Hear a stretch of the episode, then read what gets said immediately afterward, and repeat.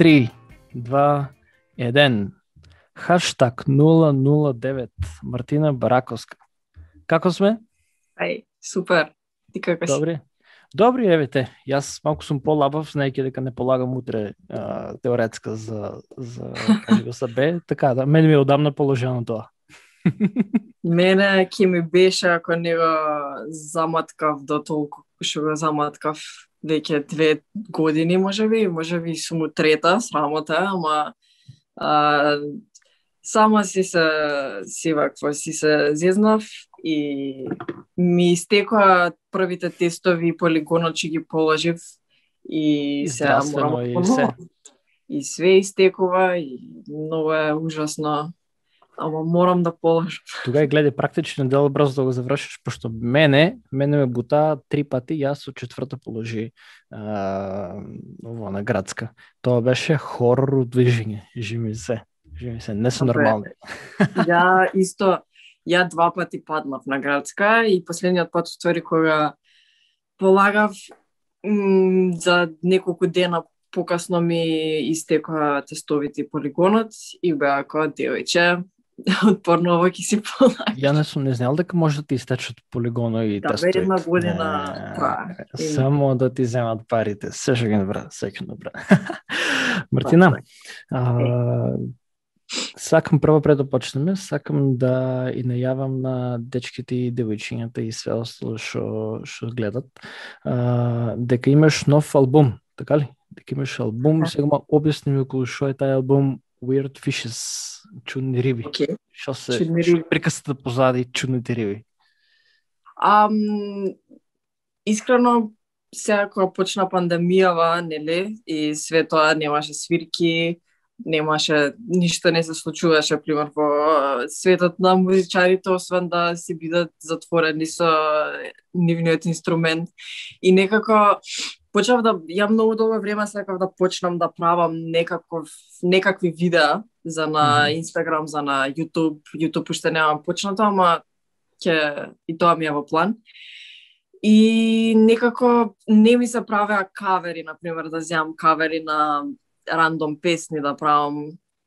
Иако и тоа го имам правено, ама генерално идејата цела ми беше а, на почетокот си почнав да си правам моја музика и врста музика за тоа една минута колку што дава нели Инстаграм за обичниот пост да некако да некоја приказна да раскажам со со таа музика. Значи да си смислам едно од најомилените ствари да правам јас на на бубањ ми е да смислувам делови и некако да да да развивам неко, некаква си музика, некаква идеја.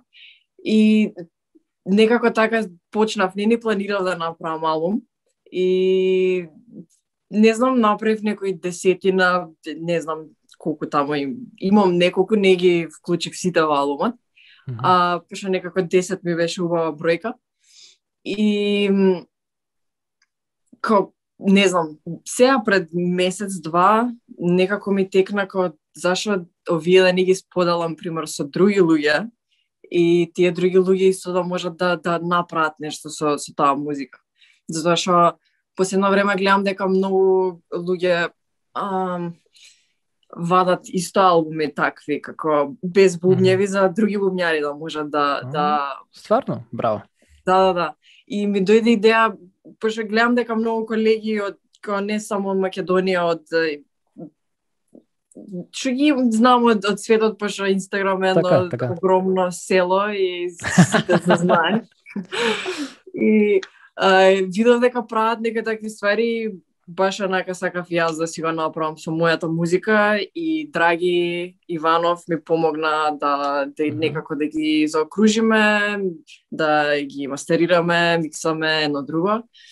И целата идеја, многу долго влекувам кога сакам да објаснам нешто, Не веднаш слободно, имаме време колку да, сакаш. Да, да, да споделам музиката што уствари ја правев за тие као едноминутни видеа, за да можат и други да, да, да ги земат да прават исто така некои видеа. Така. И тоа ми беше, и, и ми се свиѓаше музиката затоа што сум ја правела кога баш она во моменти кога сум осеќала нешто или кога сум била во флоу или кога сум сакала да извадам некоја емоција од мене. Затоа и првично сакав Confessions да го крстам, затоа што така Мгм, мм, некако јасно. дури си имам многу Ти звони ми некој. звонеше телефонот, да. Ничо страшно. Ам, с- кај состанав? Confessions, сака, сакало си да го Confession именеш, сакав е, да така. Да, и не знам, е Така така и Confession се, ама и Weird, weird, weird Fishes сакам да го, Fishes. да го, да, а, да го крстам, затоа што некако убаво ми беше името. Така. И има некои такви по... А, не знам, му, му дава убав контекст и на кавер албумот, мислам на, на тоа, на корицата на албумот Така, и така. на, на се тоа. И некако за тоа си се решив. Јасно. Не сум знаел, те се гледаш од тебе, слушам дека некои се постирале како коша траки без без бобаги во позадина. И да. пример твоите те тие твоите 10 песни може да се користат како мислам може може да бидат им употребувани како семплови, па некој да може да, да пример да те најме како фрилансер или нешто такво. Така ли од прилика некои некои работи или? Не знам Да, дали има нешто како фрилансер бомњар во свет или сигурно има. Има, има, има, има. Скроз, пример, можат, не знам, кој ќе го купат албумот, више кој ќе го купат, можат било што да направат со него, затоа што веќе и прават, добивам многу видеа кај што ќе ме тагне некој ка еј ова Така. ја го свира флупот и го смислив ова врз него. Многу е интересно кога ќе споделиш така музика и некој со друга перспектива која ќе влезе и скроз друга димензија дава на, на нешто што ја уопште не сум ни не, не сум Така. ни можела да го слушнам на тој начин како што некој друг би му пристапил, знаеш. Тоа е Така. многу интересно и многу е убаво, онака ептеново. Така, тоа е сигурно многу баво чувство. Сега јас не сум некој професионален музичар. Јас сум така аматер. Помалку свирам пијано, помалку свирам гитара, имам селските пан дома. Знам малку да свирам на селските пан, да свирам.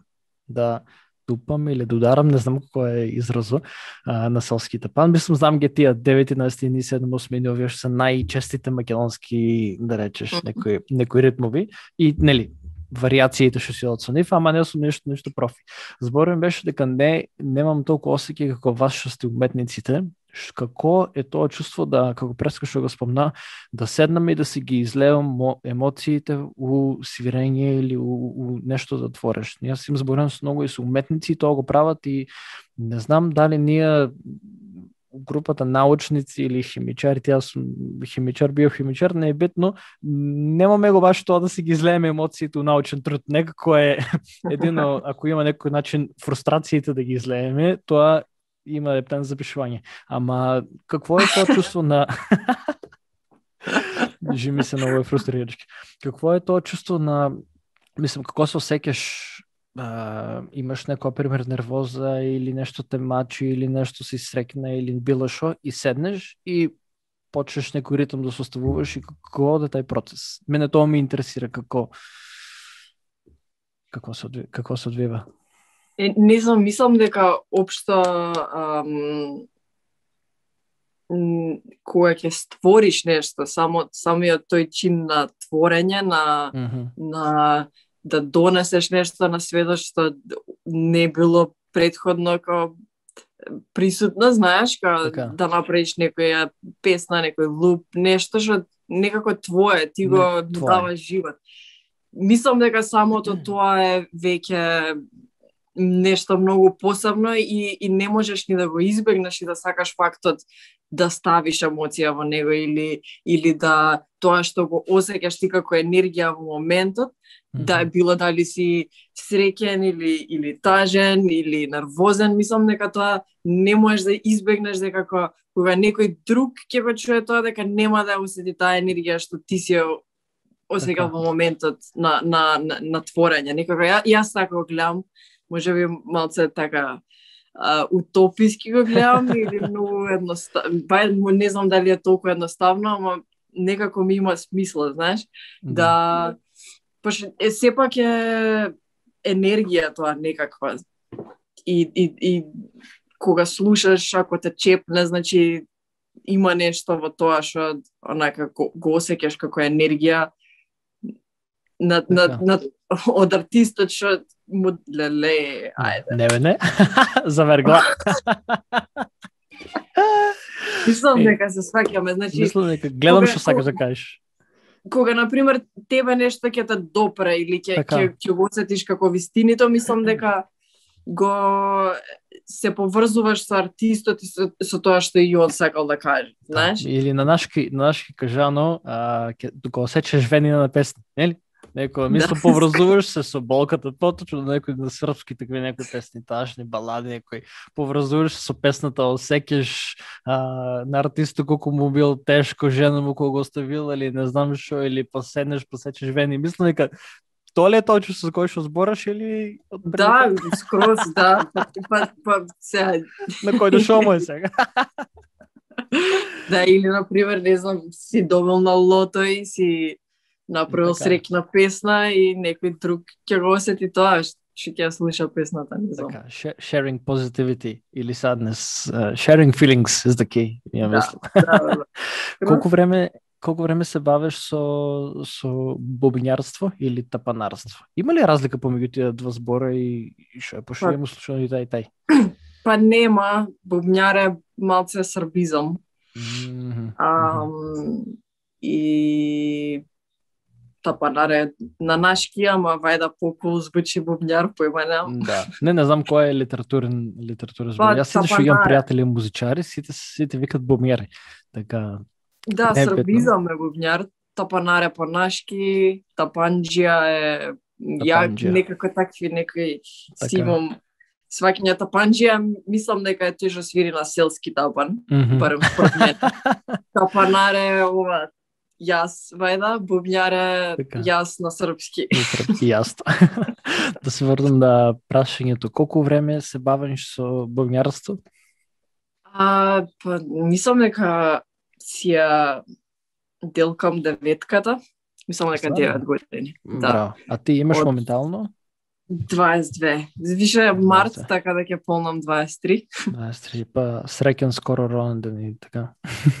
Па, на крај на месец. Да. А, ово со ти е, ти е онака хоби или нешто професионално, нешто кој што се гледаш кариера во едина? Да, професија пропа. Леле, какви сме 7 саат на Добри сме, вечер. 7 и 20. А професија бе, дефинитивно и Така. дефинитивно секој ден работам за тоа да ја градам како не знам, мојата кариера Мгм. и дефинитивно немам план Б за за ова, некако сум all in во бубњарството Така. и би направила не знам се од мислам правам и се и од љубов, ама правам и се онака да за да ми биде full time професија за да не морам да правам никакви компромиси. Така, Знаеш. види, у моето искуство, од што имам видено луѓе низ низ свето, низ мојот живот, мислам, не смеат кој сме колку многу стар, ама имам видено некои луѓе и А, добро сум јас. А, збора ми беше дека дека тај крос помеѓу тоа што луѓето го прават од што и е единствено нешто и од тоа што го прават од што е што им е љубов, на, на некој начин е добро, на некој начин е лошо, ама на крај крајниот резултат е секој пат секој пат тие што продолжат да го прават се пар екселанс. Значи, некако Мгм. ми е тоа ми а, колку и да, и да ти е нешто единствено во животот, ако не имаш љубовта или ако не го имаш талентот, дури за мене некако талент е многу мал фактор, луѓето мислат дека од што имам слушавам дека таленто си е, нели, он е талентиран и готово. Јас не се слагам, пошто имам видено многу талентирани луѓе во многу различни области, и тоа да не влијае скоро скоро никако на нивната пример професионална некој сум видел професионални живот. Видел сум тен талентирани математичари каратисти музичари се ама нели некои луѓе си прават грешка тоа што е јас сум талентиран и мене ме бива и готово не мора да навежбаме ништо. Така да многу пати луѓето со помал талент успеват успеват, него ли тие што се поголем талент. А на врво да, стигат тие што се талентирани, ем што работат. Да, да, да. скроз. Мислам дека ам, дефинитивно талентот може да се земе здраво за готово и да си го малце да си го колку што е ам, лошо, толку и добро да си талентиран, најверојатно. Може да, да те направи да. тоа многу мрзлив. А, ја не знам у која група спаѓам, искрено веќе појма немам. На, мислам дека и го поминав тој момент да, да се прашувам дали сум талентиран или не, веќе mm -hmm. тераме. Тоа е така, готово. Се така. качивме на возот, не е битно да Не, не е битно. Што викаш, качиме се на возот и тераме. Да, и така да, не знам, а, талентот е многу мала она точка од тоа што можеш да направиш ако решиш да го направиш. Така да, дефинитивно ќе ти помогне, ама мораш да работиш секако со или без талент. А, мора да саатите, мора да си го стоплиш столчето, да не искачаш. Така. Еден момент да не знам да направиш некои жртви ако може жртви да се така, кажат, така. не се ни жртви ако сакаш да го правиш тоа. Така да дефинитивно сум го правила тоа и, и дефинитивно без, има да. Да, и Како? без два-три добри ментални брейкдаунзи никаде не стигаш тоа. Да е, е, и малку поќе. Камо ли се два-три? не знам, кај сите што кај сите што го имам приметено што сака да бидат пар екселанс, колку и да збораме, се, се држиш си вода на со ментално здравје и нели треба и да се фокусираме не е се кариерата, не е се професионалното, не е се се, ама кај луѓето што стварно сакат некаде да стигнат, мислам да стигнат, стварно што се трудат и што дават се од себе, а, тоа го гледам дури како некој нормалитет, знам не е убаво што зборувам, ама од тоа што го имам приметено, дека дека многу пати луѓето треба да стварно да се скршат или тај mental breakdown или некој нервен слом да да да, да добијат за да може да стварно егото да си го потиснат, оно што викаш талентирање тоа што удрело слава во глава на некои на некои луѓе било од која професија, малку да ги mm. малку да ги рецне за да може по а, да се нели да да седнат малку, па после па да, се, да станат и да си продолжат. Не знам, има ли се на тебе да се нешто такво? Да ме тресне нешто од земја? Па нешто е птен така да те тресне егото, да ти го симне на нула, па да мора да станеш и да почнеш па така. Дефинитивно. Мислам дека и на микро а, како се вика, и на микроплан, и не, како се викаше да, да, на микро да. ниво да. и на макро ниво. Така. Ми си има десано. Значи, микро што би значало секој ден кој ќе дојдам тука и која ќе си ги зацртам целите, например, или кога а, Значи, мислам дека она кога учиш секој ден или и, и кога сакаш да си подобар секој ден, тоа е микро ниво, затоа што сваќаш така. колку многу има, знаеш.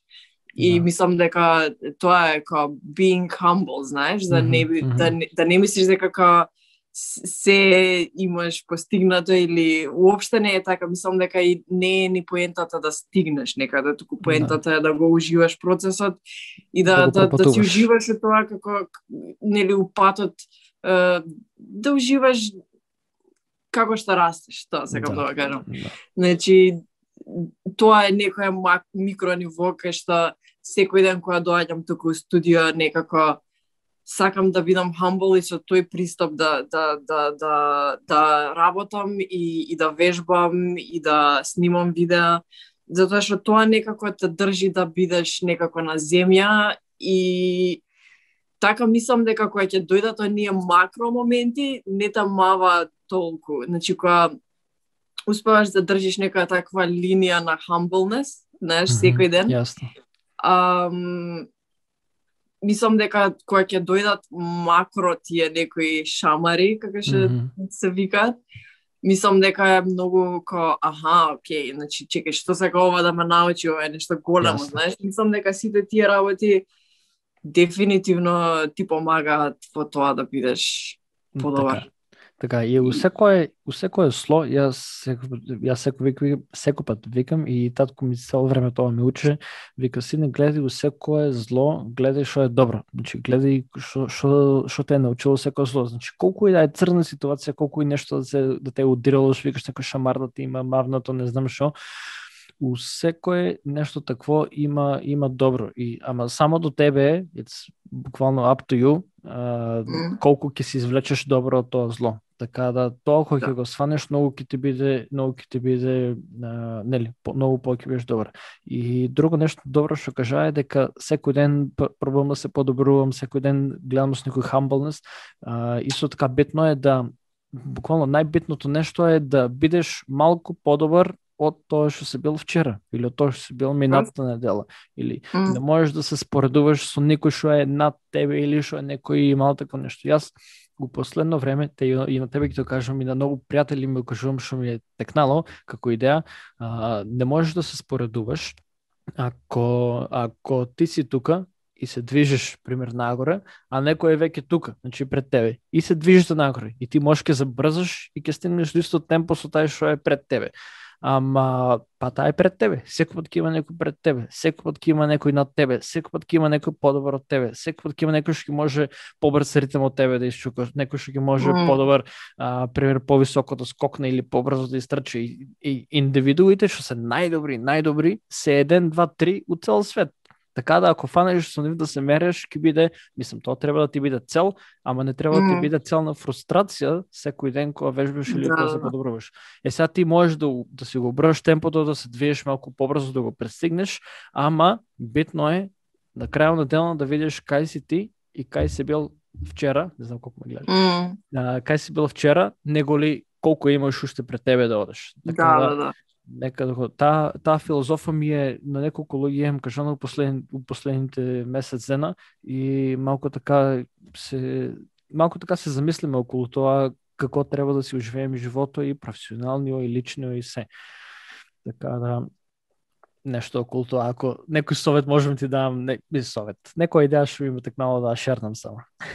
Да, ама скоро се слагам и јас многу пати го имам кажано тоа, ако не знам кој ќе ме прашаат кој ти е мотото, не знам, mm -hmm. по која што се водиш, ми е баш баш таа реченица дека така. а, секогаш можам да бидам подобро од од тоа што сум била вчера. И не знам тоа и друга работа поготово за музика, ама и општо mm -hmm. мислам дека во во било која бранша е дека не е надпревар, знаеш, и така. не значи дека ако некој успее, дека така. ти нема да успееш, или да. дека ако ти успееш, дека некој тебе нешто, не знам, така. може да ти наштети со тоа што и он ќе напредува, знаеш. Тоа што викаш дека ако некој е горе, а ти си овде mm -hmm. и ти сакаш да го стигнеш, Исто така мислам дека тоа што би не држало humble е тоа mm -hmm. кога ти си овде, а некој е овде, така. да не пробуваш да да да да така. да да на надоле тоа си ги така да. баш.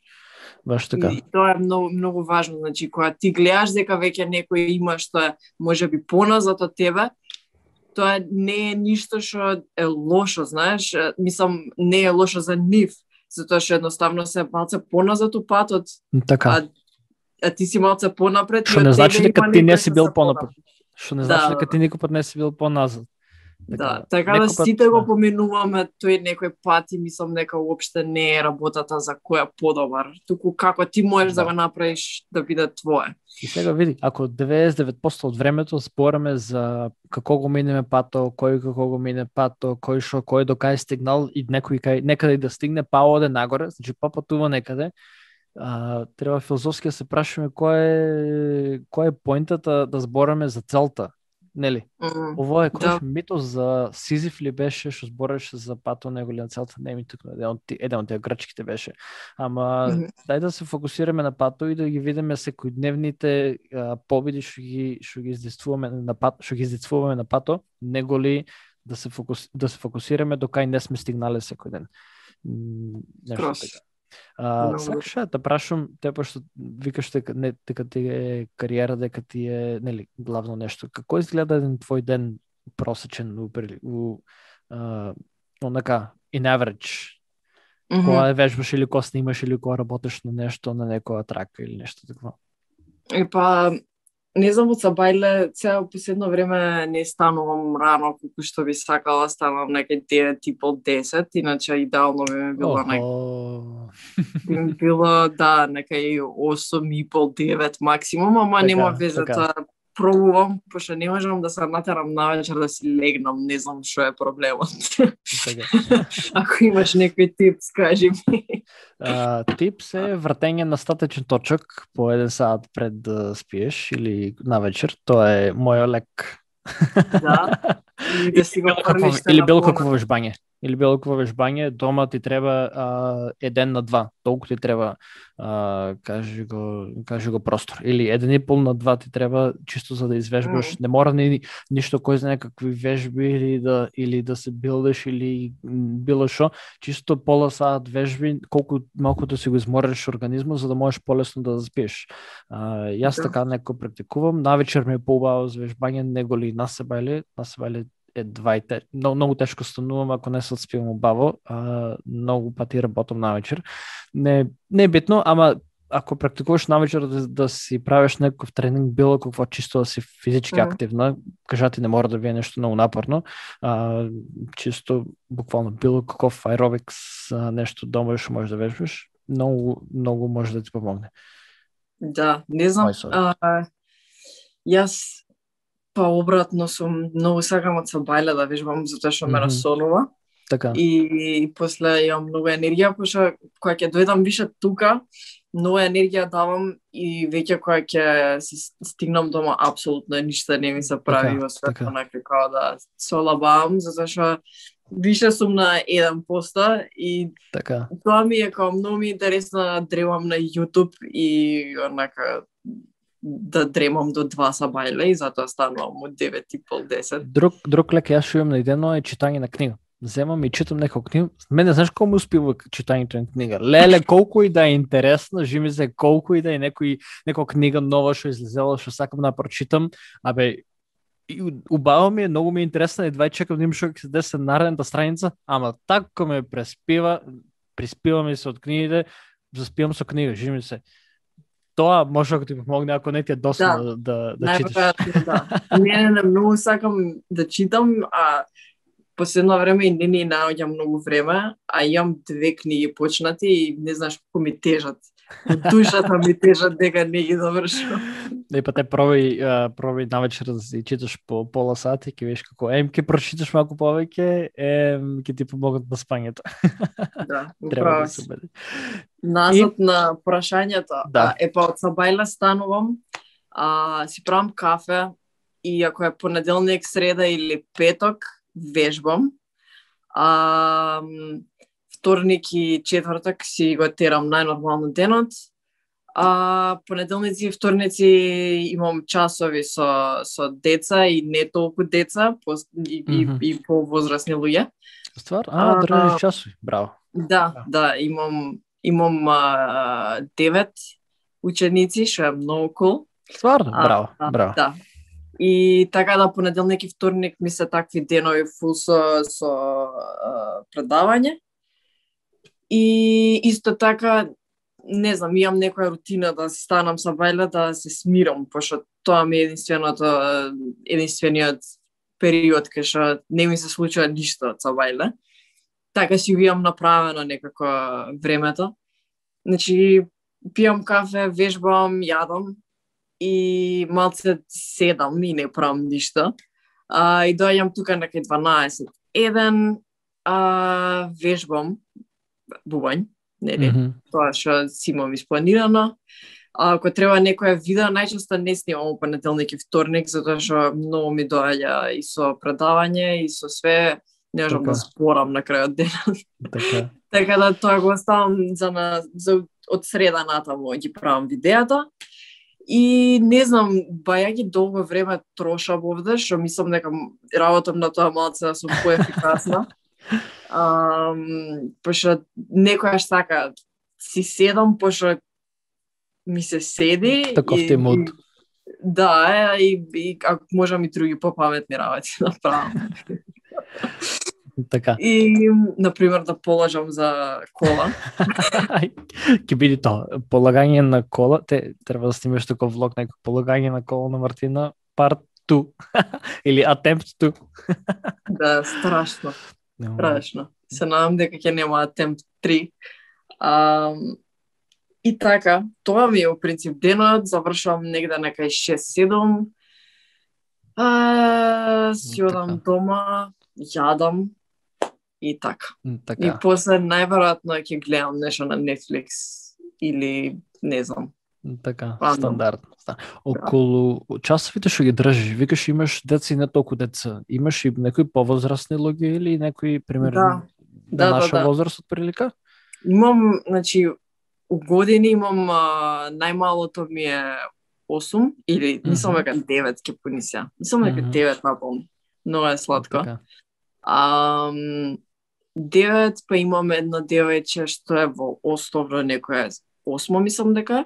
Е. Мгм, Имам една тинеџерка, имам еден на моја возраст мгм, и имам луѓе што се во 30-тите години. мгм. а, од сите возрасти буквално и сите се многу интересни пошто сите се ептен различни и Така. некако и за различни работи доаѓаат пример некои доаѓаат само за се опушта знаеш за не Мгм. мислат на пошто многу интересна работа со бубњевите како инструмента дека многу се engaging значи кога ќе Да, седнеш да. немаш време да мислиш на што си што ќе јадеш кога ќе Така. се вратиш дома, знаеш. Но е, значи, и- физички и психички треба многу да се онака да се дадеш, затоа што е Така. единствен инструмент што а, ги користиш апсолутно сите екстремитети и Така. плюс имаш координација, затоа што треба да ги вкрстиш нели двете Хемисфери ли на мозокот? е? Хемисфери, да, затоа што ти се која пред да почнеш на со со бубање ти се пример вака, као не можеш вака, не не можеш пример работи да правиш крстени на пример. Аха, И уствари како што а, како што поминува време ти се некако ти се почнува да се совпаѓаат. Не знам, ова Стварно? моја, Во- моја некоја логика, мислам лаички кажано, сигурно Да. може подобро да се објасни, ама да. И на пример многу се користи за ептено нака и стари лица во домови за да за да се размрдаат, за да си го разработат мозокот. И мали деца пример многу им помага помага за развој. така. А, значи за не знам, за развој, за многу многу убаво им влијае на деца ептен, без разлика дали сакаат да бидат бубњари или не. Многу е Така. убаво, исто како што е убаво на спорт да ги да ги пратиш. Ам, и трета работа е она стрес релив, знаеш, која е Мгм. од работа можеш да дојдеш тука и стропаш ептен. Да. така да мислам дека така луѓе што имаат работа, имаат зафатен живот, она тука доаѓаат и сакаат да си го пуштат мозокот на пасење. Дури ми кажуваат онака, гледа, не ми се верува колку брзо помина часот и се осеќам као како после вежбање, знаеш? Така, и браво, Да. браво. Како некој а, ексерсайз на мозок, мислам, веж- вежбање на мозокот, баш така, Да. вместо телото се активираш, што си бара своја концентрација и свој и тако и своја волја. А. Тоа ми беше следното прашање, дали дали има некој те пример те примерте јас а, немам некој кој знае ков талент за за за ритм, основен некој ритм можам да фанам тоа се се окей, окей сум, малку сум музички образован, ама те пример да почнам јас со со со частови чисто на како хоби. Дали е пример касно, пошто сум 23-24 или може да почнеш на која било возраст, чисто на како хоби, мислам не не за професионално да. Да, можеш кога сакаш да почнеш, можеш и на 70 ако- сакаш. Е, барам јас така мислам дека тие граници што си ги поставуваме се она баш ментални, онака Така. си стоиме на патот за многу работи. Со тоа се согласувам многу долго 100%. време. Како? Со тоа со тоа се согласувам 100%. Да, и мислам, ја многу долго време некако, знаеш, ги гледаш многу добри бубњари и ги гледаш на интервју и кажуваат, па да, јас свирам од две години, ти седиш и кажеш, добро, што да правам ја? Да, да, да, дефинитивно. Па те ти кој ми кажа од пред 9 години, па си било некаде колку 11, 12, 13 кога си почнал. Да. Не е било нешто, ама нели, таа секој приказка е ја од 5-6 години и 7 свири да. бубњари и така и веќе тоа те демотивира. Ама тоа се ментална бариера што ја ставаме ние. Да, Збор... и, и знаеш, некако две години си мислиш, значи детево, мислам овој типов човеков, женава, кој да е, онака како исто колку колку време што знае да јаде сам толку така, време така. знае да да свири тапани што што правам јас со животот со тапани, знаеш. Ама мислам дека не е времето туку е она, баш ти не пробуваш да бидеш тој човек конкретно. Mm -hmm. Ти пробуваш да така, си бидеш, да си бидеш ти. каков си. Како no, така. каква е, не знам, Мартина, како тапанарка. И, и не е битно колку време свирам, знаеш. Така. Уште пробувам да си се убедам у тоа, ама сега го разбирам некако рационално. Така, добро, така, како, тоа е... како растеш и сваќаш некои работи, дека не е се така како што изгледат само на лек. Да. И има едно едно е тоа што го гледаш, а другото е реалноста фактички позади mm. позади се. И сега ако сака, пример некој сака ја да почнам, морам да си имам свој сет на бубњеви или кај, кај тебе у студиото се држат часовите? Кај мене се држат. Би требало да имаш палици и има еден една како гума се користи ова пример mm -hmm. за вежбање на рацете. Mm -hmm. Тоа е ова не прави никаков звук, Mm -hmm. Само служи како површина за одбивање. Така. И најчесто им викам на сите што доаѓаат на час, доколку немаат бубањ, ова е она барам да правиш нешто дома, така, знаеш, така, да ги држиш да палиците, тоа е многу Така. А, не ти треба бубања, кога се запишав на часови, ја идам на часови она од која првиот ден од кога свирам така и почнав, затоа што немам опција да имам тапани дома и си најдов uh, учител uh, Иво така. Митковски од mm -hmm. uh, XI, мислам он е XIQ. Mm -hmm. uh, и многу ми помогна на нека да, да за да почнам, за да она да завергла, да така, да така. све да онака да почнам да свирам. И главно тргнав на часови затоа што немав тапани, немав како да немав онака пристап до, до, до инструментот, така да затоа и, и, и почнав. Така да тоа е најпаметната работа уствари, ако, ако немаш опција да се запишеш. Така.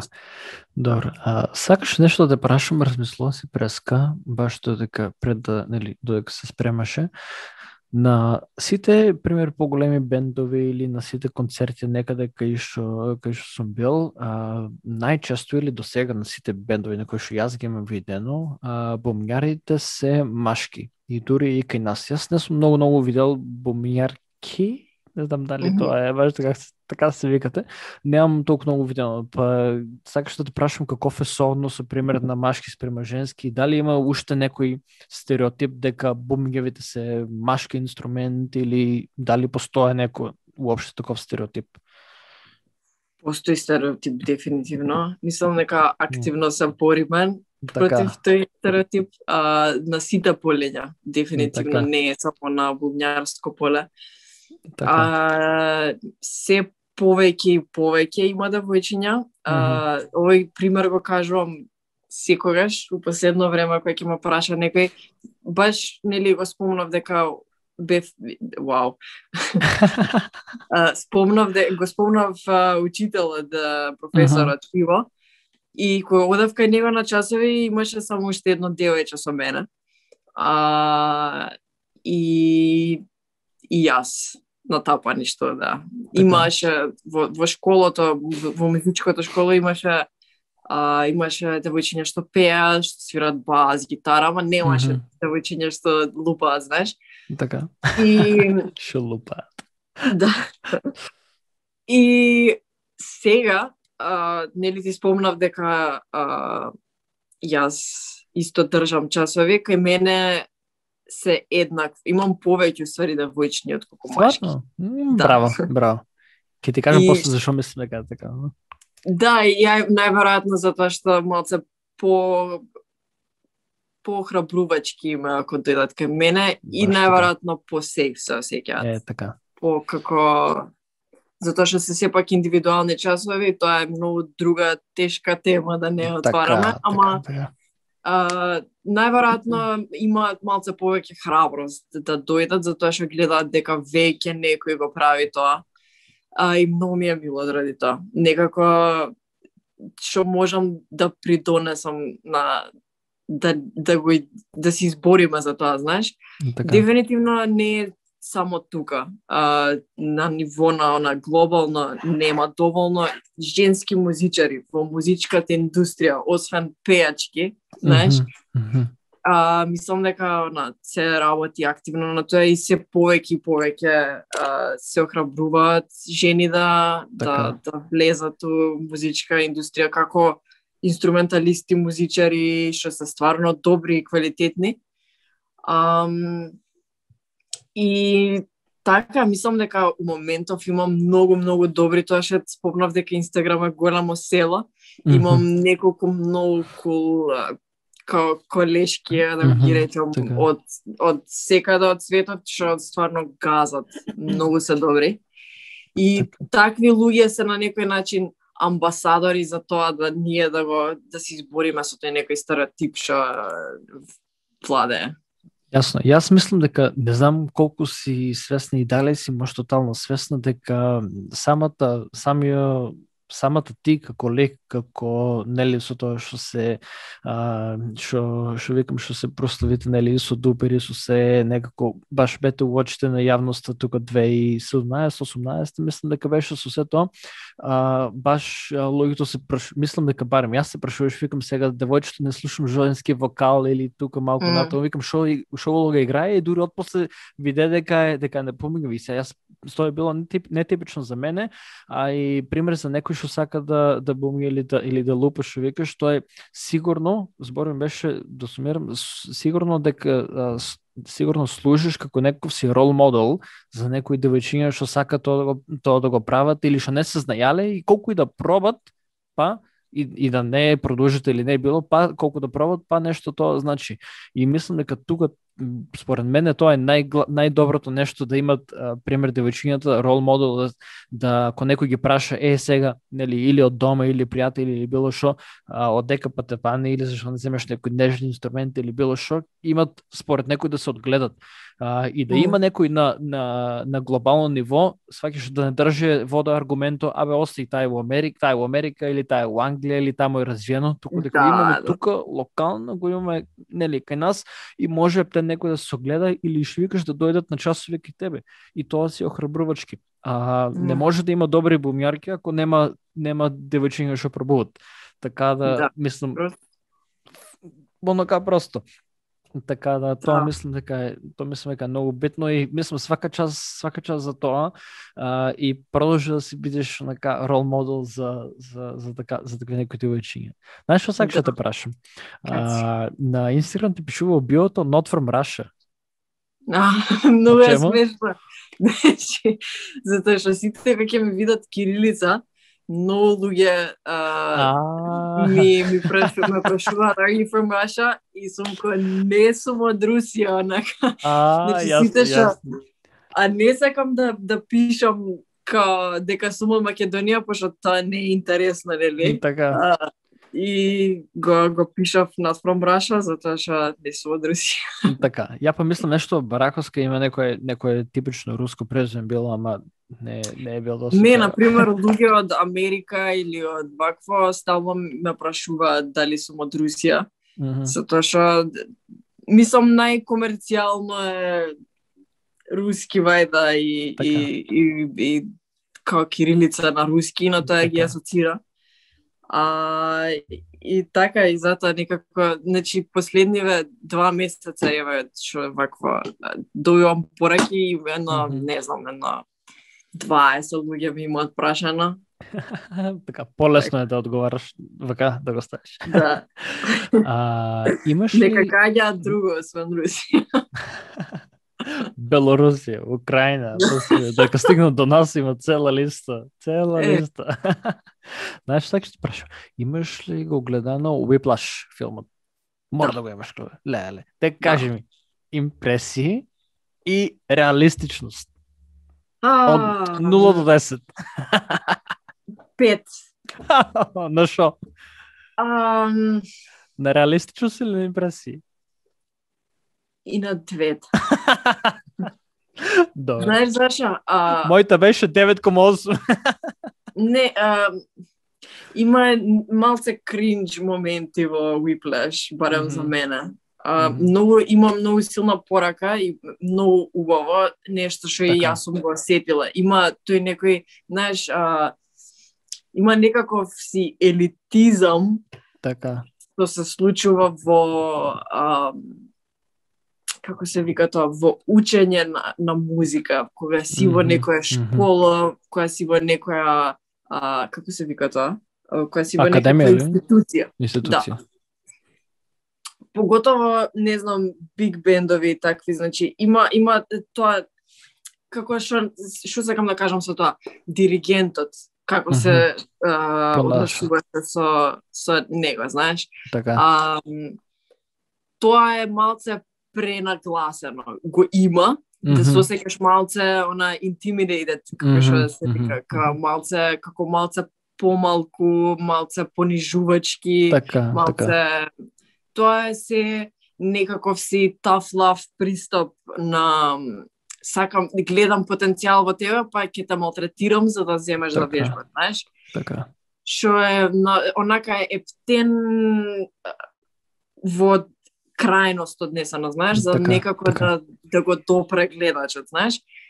Не тоа не е реално, ама дефинитивно а, како што он го осеќаше и физички и психички, дефинитивно се поминува низ такви моменти и, и дефинитивно јас го имам осеќано на академија затоа што имам завршена музичка, значи Мгм, она мгм. да а, онака не е малтретирање, не е малтретирање, ама е некако Ама си напорно, да. таков пристап old school на а, да те натера некој да работиш. Не знам Така. како. Што кај мене не знам колку добро функционира и, и така, не знам.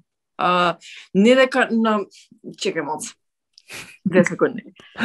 Не, не го очекував прашањето, а сакам многу работи да кажам нека нешто, нека глупост да кажам. Слободно, слободно. Рефразија.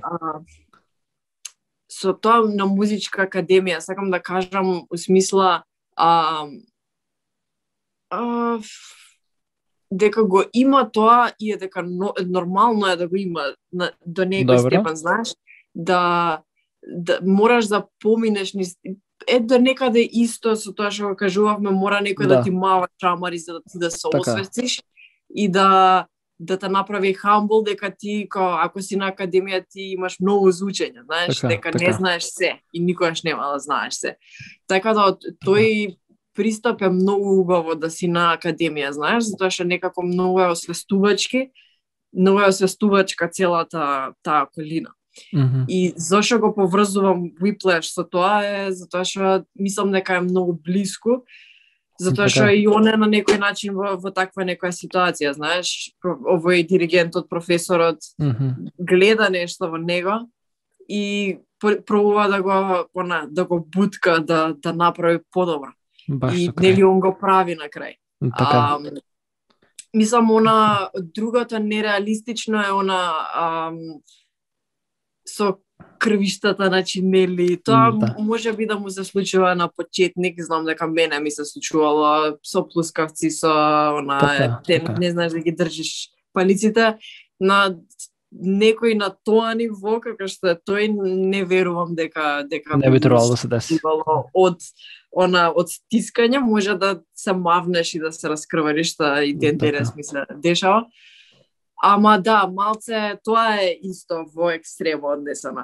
Ама Така. чисто за она патот кој што треба да го изодиш за за да бидеш добар, најверојатно и да да можеш да се носиш со таков бенд, со со таков тежок човек кој што е диригентот а, во, во филмот. Мгм. А, мислам дека убава поента е доловена, само мислам дека многу работи се направени, Малку се, се Преувеличени, така. да, Јасно. во, онака, to the max. Јасно. Па може некој пат некој пат некакви работи стварно треба да се преувеличат за да за да може да се долове неко, нели, барем до публиката и на крај краишта филме. Треба да се остави таков некој, нели, впечаток, нешто такво. Да. Мене ми остави таков некој личен впечаток, лично убав впечаток ми беше така ептенјак. И М. некој пат у еднина ако направиш ка- кавер на овој плаш, молим те, молим те направи кавер некој пат у еднина на овој плаш, многу би мислам си го ќе се Да, оставам од саундтрак. караван, да. не, Може, на може. караван, на караван и на онаа другото што е а, како беше мелодијата там па па пам па пам па пара пам тан таран таран татан нешто така одеше мелодијата. Не ми текнува, ама да. ќе се пуштиш, ќе видиш. У секој случај, Мартина, а, сакам да се заблагодарам многу, една многу голема фала што се согласи на ова и за и за времето и за се. А, супер беше, мислам мене беше многу било. Знам дека треба да оставам да отидеш да повтараш утре ќе полагаш и се. Сакам ти посакам среќа не само на во кариерата, туку и за утре. А, така да така да од мене на голема благодарност за за сето ово. Фала ти и на тебе, многу убав разговор.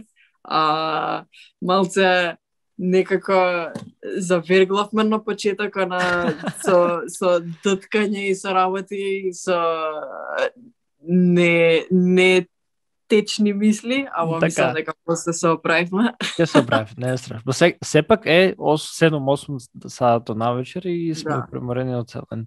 Така да е, но големо фала и голема благодарност од мене од тебе, па се слушаме и нареден пат, надевам се ќе се видиме уживо. И јас се надевам следен подкаст ќе правиме уживо. Дел. Да. Дечки, дел. благодарам многу. Cool. Чао, чао. Се гледаме.